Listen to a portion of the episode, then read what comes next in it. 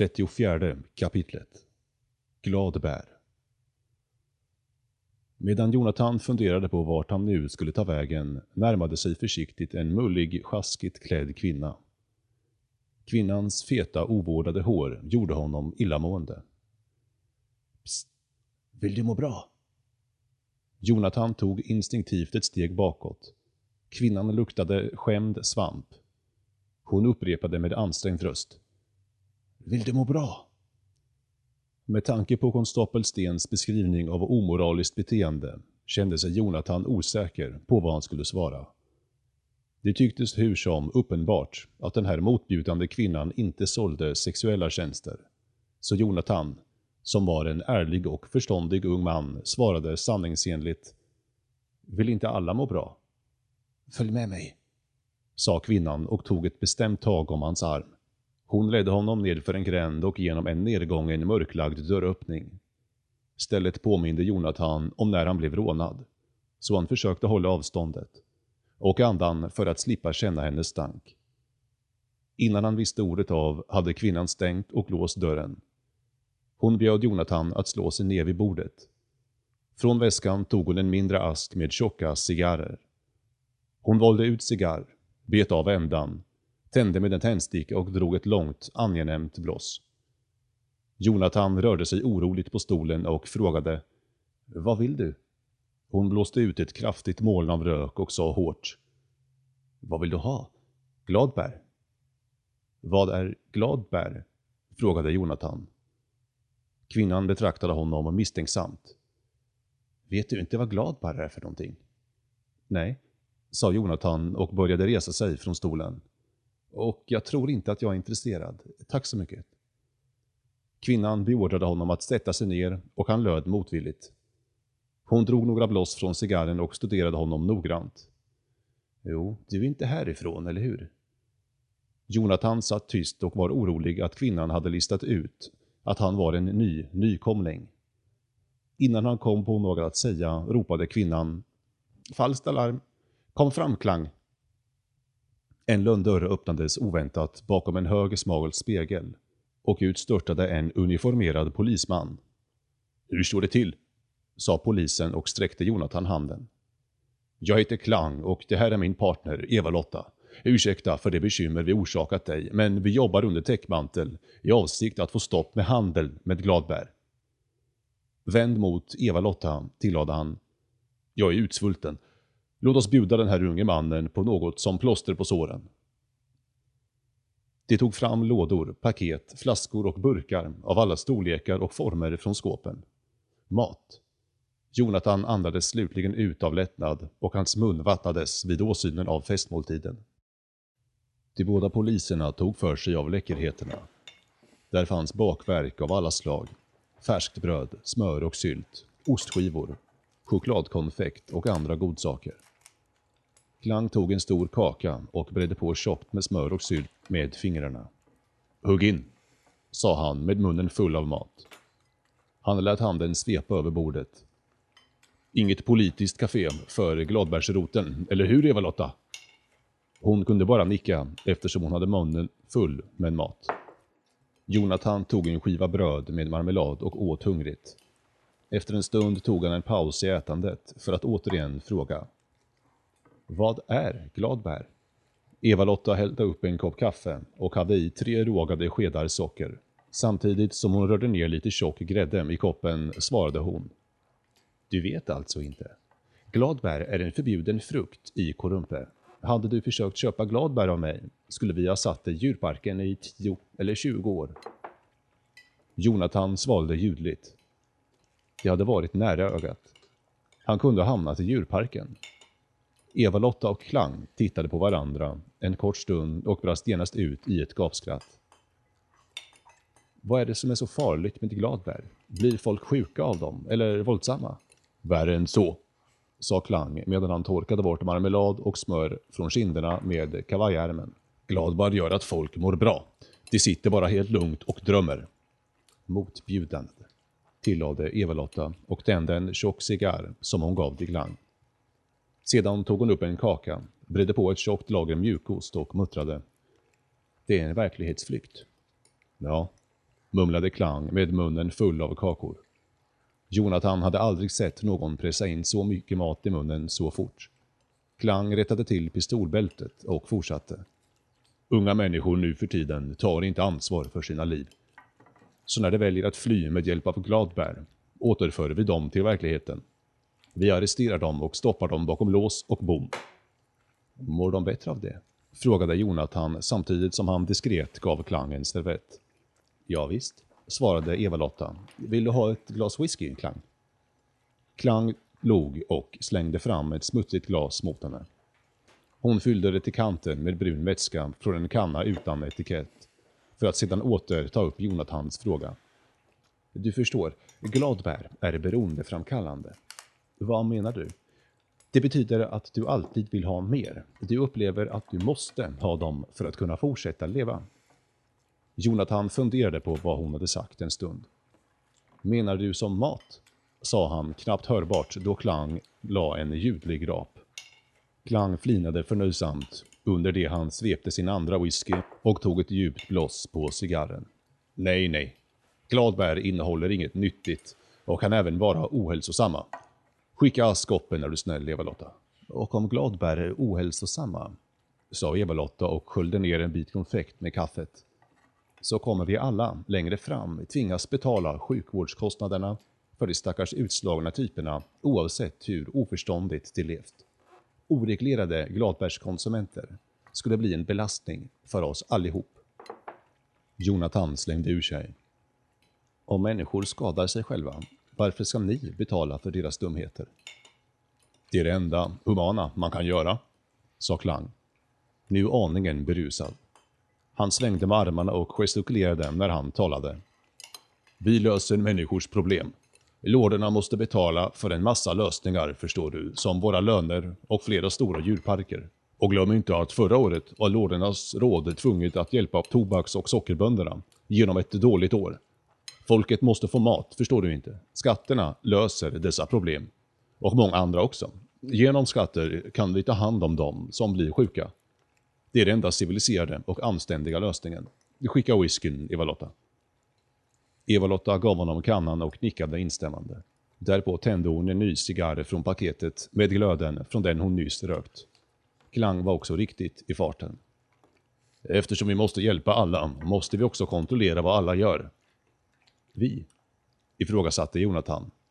Burp, rapade Klang. Förlåt. Från skjortskickan tog han fram en flaska med piller. När jag säger vi menar jag inte du och jag personligen. Jag menar att lorderna bestämmer åt oss vad som är ett bra beteende och vilka som måste betala för ett dåligt beteende. Faktiskt är det bra beteende att betala för dåligt beteende. Går det ihop, Eva-Lotta? Ah, i vilket fall, lorderna begår inte några misstag där de fattar sina beslut, vilket resten av oss skulle. Klang avbröt sig för att svälja ett par små röda piller. Han började sluddra. Däremot är det konstigt. Jag antar att jag alltid säger vi när jag talar om dem. Eva-Lotta, vill du ha ett par för att lugna nerverna? Eh, tack, men nej tack, sa hon artigt. Hon skickade över en smakfull metallburk till honom och tillade. Mina fina rosa lugnande verkar mycket snabbare. Jag kan knappt börja dagen utan en kopp kaffe och en av dem. Här, pröva en om du vill. Jonathan funderade över de politiker han än så länge hade mött. Är lorderna förståndiga nog att visa folk vad som är ett bra beteende? Någon måste vara det, utbrast Klang och gungade lite i stolen han satt.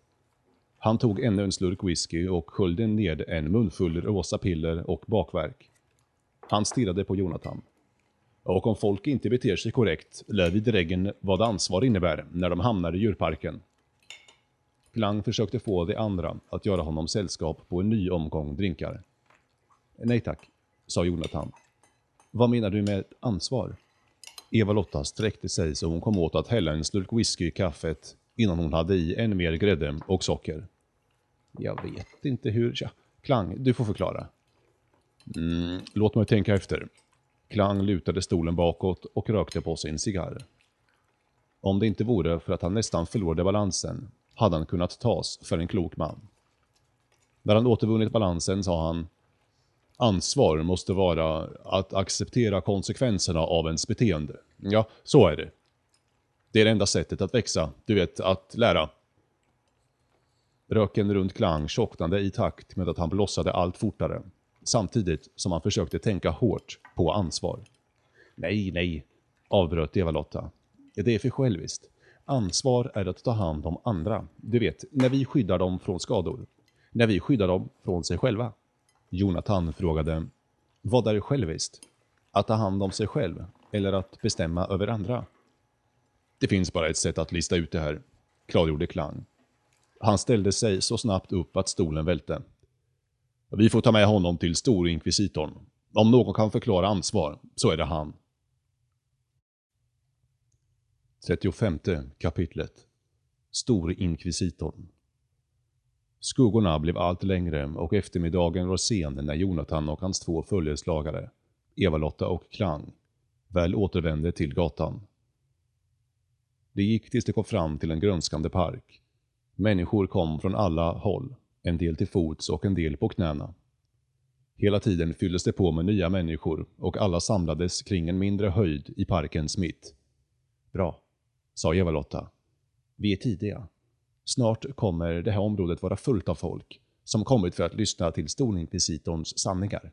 Du kommer få svar på dina frågor. De satte sig på en gräsklädd krulle och klang, medtagen av all mat och whisky, slocknade genast i det mjuka gräset. Eva-Lotta tystnade. Familjer slog sig ner under träden och alla tycktes fulla av förväntan. Jonathan hörde hur en man bakom honom sa Fantastiskt. Jag väntade mig inte att storinkvisitorn skulle komma idag. Hans sällskap svarade Ingen kan förutse storinkvisitorn, vars främsta sanningsspråk bygger på Just då kom en lång, mager figur, alltigenom klädd i svart, raskt gående in till mitten av folksamlingen. Hans ögon svepte sakta över ansiktena vända mot honom. Folks mumlande upphörde och alla tystnade. Mannens hårda röst tycktes flöda ur själva jorden för att borra sig in genom hela Jonathans kropp. Krig är fred. Okunnighet är visdom. Slaveri är frihet. Jonathan iakttog den förstummade församlingen. Storinkvisitorn hade trollbundit sin publik. Men unge Jonathan kastade ur sig. Varför säger du att slaveri är frihet? Chockad över Jonathans framfusighet tillrättavisade Eva-Lotta honom viskande. Jag sa att du skulle få svar på dina frågor. Jag sa inte att du skulle ställa frågor. Storinkvisitorn fixerade sin genomträngande blick på den unge frågeställaren. Ingen hade tidigare haft fräckheten att ifrågasätta honom. Löven som rasslade i vinden var det enda som hördes. Då morrade storinkvisitorn, till hälften åt Jonathan och till hälften åt församlingen. Frihet är den största börda mänskligheten kan bära. Rytande med all kraft höjde mannen sina armar och korsade handlederna högt ovanför huvudet. Frihet är den tyngsta av kedjor. Varför? Insisterade Jonathan, som slutligen kände modet som kommer av att vara en utböling som inte behöver bry sig om vad andra kanske tycker om honom. Storinkvisitorn ställde sig direkt framför Jonathan och talade allvarligt. Frihet är en väldig vikt på mäns och kvinnors axlar, emedan den kräver nyttjande av hjärna och vilja. Med ett skräckfyllt och smärtsamt vrål varnade den store inkvisitorn. Fri vilja skulle göra er allihop fullständigt ansvariga för era handlingar. Orden fick folksamlingen att rygga tillbaka och några höll till och med händerna för öronen av rädsla. Vad menar du med ansvariga? frågade Jonathan med osäker röst. Inkvisitorn tog ett steg bakåt. Hans ansikte mjuknade och fick en vänlig uppsyn. Han böjde sig ner för att plocka en planta, som växte intill hans fot. Mina älskade bröder och systrar. Ni kanske inte inser vilka faror jag talar om. Slut era ögon och föreställ er livet för denna lilla växt. Hans röst mjuknade och tycktes omfamna publiken. Alla utom Jonathan slöt sina ögon hårt och koncentrerade sig. Hypnotiskt började storinkvisitorn beskriva en bild för församlingen. Denna lilla växt är endast en skör liten buske, rotad i marken och placerad på jorden. Den är inte ansvarig för sina handlingar. Alla dess handlingar är förprogrammerade. Och den lilla buskens stora lycka. Nu, mina kära, föreställ er ett djur. En söt, arbetsam liten mus som ilar runt för att finna mat bland alla växterna. Denna pälsklädda varelse är inte ansvarig för sina handlingar. Allt som en mus gör är förutbestämt av naturen. Naturen, lyckliga djur. Varken planta eller djur lider under den fria viljans börda, eftersom inget dera behöver göra val. Det kan aldrig ha fel. Några av åhörarna mumlade, förtrollade. Ja, store inkvisitor. Ja, så är det.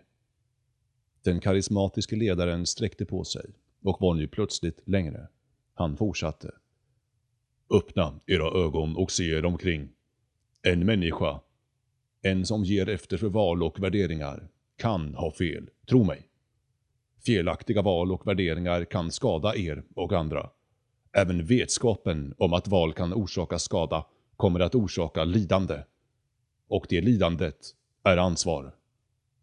Människorna skälvde och drog sig tätt intill varandra. En pojke som satt bredvid Jonathan ropade plötsligen. Åh, snälla mästare, hur kan vi undvika detta öde? Berätta för oss hur vi ska bli av med denna fruktansvärda börda, bönade en annan. Det kommer inte bli enkelt, men tillsammans kan vi besegra detta skrämmande hot. Därpå talade han med en röst som mjuk att Jonathan fick luta sig framåt för att höra. Lita på mig. Jag fattar besluten åt er. Ni är sedan befriade från all skuld och allt lidande friheten medför. Som beslutsfattare tar jag på mig allt lidande själv. Sedan slog inkvisitorn högt ut med armarna och ropade. Gå nu ut i världen, varenda en av er. Finkamma gator och gränder, knacka på varje dörr. Sprid ordet så som jag lärt er. Segen är nära för mig, er beslutsfattare vid lordernas råd. Och folksamlingen skrek ut sin förtjusning, reste sig som en man och begav sig iväg i alla riktningar. De knuffade och puttade, angelägna att vara först ut på gatan. Endast Jonathan och storinkvisitorn var kvar, och Klang som nu snarkade gott. Jonathan satt ner och kunde inte tro sina ögon. Han såg folksamlingens galna uppbrott. Sedan tittade han på mannen i svart. Inkvisitorn såg bortom Jonathan, upptagen av någon avlägsen vision. Till slut bröt Jonathan den obehagliga tystnaden med en sista fråga. Vad för gott gör det att överlåta alla beslut till dig? Inget, svarade inkvisitorn med en föraktfull fnysning. För godhet kan endast existera om det finns ett fritt val. Min flock föredrar frid framför godhet och du, du lille med allt för många frågor. Vad föredrar du? Hjälp mig vinna valet så kan jag ordna allt du önskar. Låt mig välja åt dig också. Då kommer dina frågor inte längre betyda något. Svarslös vände Jonathan på klacken och lämnade den tomma parken. Han hörde storinkvisitorns skratt ringa bakom honom. 36 kapitlet Förlorarens lag Jonathan hoppades att det vore dags att träffa Annie. Han tänkte ofta på henne. Dessutom såg han fram emot att få berätta om allt han varit med om. Förväntan fick honom att snabba på stegen när han gick tillbaka till husen där han och Annie hade träffats dagen innan. När han var framme hörde Jonathan hur en klunga människor skrek och hojtade. Snett emot hus A, B och C hade en fyrkantig plattform med rep runt ställts upp. Upphetsade människor trängdes mot plattformens kant. Jonathan såg att alla i klungan bar något slags brett bälte eller stöd för ryggen. I plattformens mitt ropade en man för full hals. I denna hörla 115 kilo tung. Sedan fem månader den obesegrade mästaren från arbetarnas internationella tävling. Den fruktansvärda tigern. Karl, krossaren Karlsson. På plattformens ena sida stod ett fyrkantigt bord. Vid det satt en man med ett ärr över ansiktet och gick med van hand igenom en hög med papper och buntar med pengar. Mannen tittade upp mot Jonathan och skällde. Skynda dig att satsa grabben. Du har bara ett par sekunder på dig innan nästa rond börjar. En ivrig gammal kvinna trängde sig förbi Jonathan och slängde fram en handfull sedlar på bordet. 50 på mästaren, fort! krävde hon. Okej, okay, damen, sa mannen och stämplade ett kvitto som han drev ur en registerbok och gav henne. Utroparen gick över plattformen och ropade. Och i andra hörnan, utmanaren, 120 kilo muskler, knogkrossaren, hamnarbetaren. Jonathan vände sig till mannen vid bordet och frågade. Är det något problem? Kommer det bli slagsmål? Slagsmål kommer det garanterat bli, men knappast några problem, sa mannen och flinade. Vi har aldrig haft det så här bra. Klockan ljöd och mannen ropade till publiken. Vadslagningen är stängd. Båda männen hoppade fram och började slå jabbar och duckan för den andres slag. Lyssna grabben. Det finns inget att hetsa upp sig över, sa vadhållaren lugnande. Båda vinnaren och förloraren i den här matchen kommer göra sig en rejäl hacka. En av männen gick hastigt i golvet efter att ha träffats av en hård högerkrok. Publiken skrek entusiastiskt medan bokhållaren räknade sina pengar. Vinner båda ett pris? Frågade Jonathan. 500, 600. Visst, sa mannen och slutade räkna pengar för en stund. Det här är den populäraste matchen på ön. Ibland kan förloraren tjäna mer än vinnaren. 700, 800. Jonathan tittade förvånat på mannen. Kan vem som helst bli rik genom att förlora? Nej, inte alla. Du måste ha ett bra jobb att förlora innan du får gå upp mot mästaren. Jag förstår inte, sa Jonathan. Varför skulle en arbetare riskera sitt arbete bara för att gå en match mot mästaren? Klockan ljöd och markerade slutet på ännu en rond. Publiken lugnade ner sig. 900, 1000. Eh, det är hela idén. Har du aldrig hört talas om förlorarens lag? Frågade mannen medan han la pengarna i välordnade högar. Förlorarens lag eliminerar riskerna. Förloraren behöver inte oroa sig för någonting. Inte sin lön, inte för läkarkostnaderna, inte för någonting. Varför inte? Frågade Jonathan.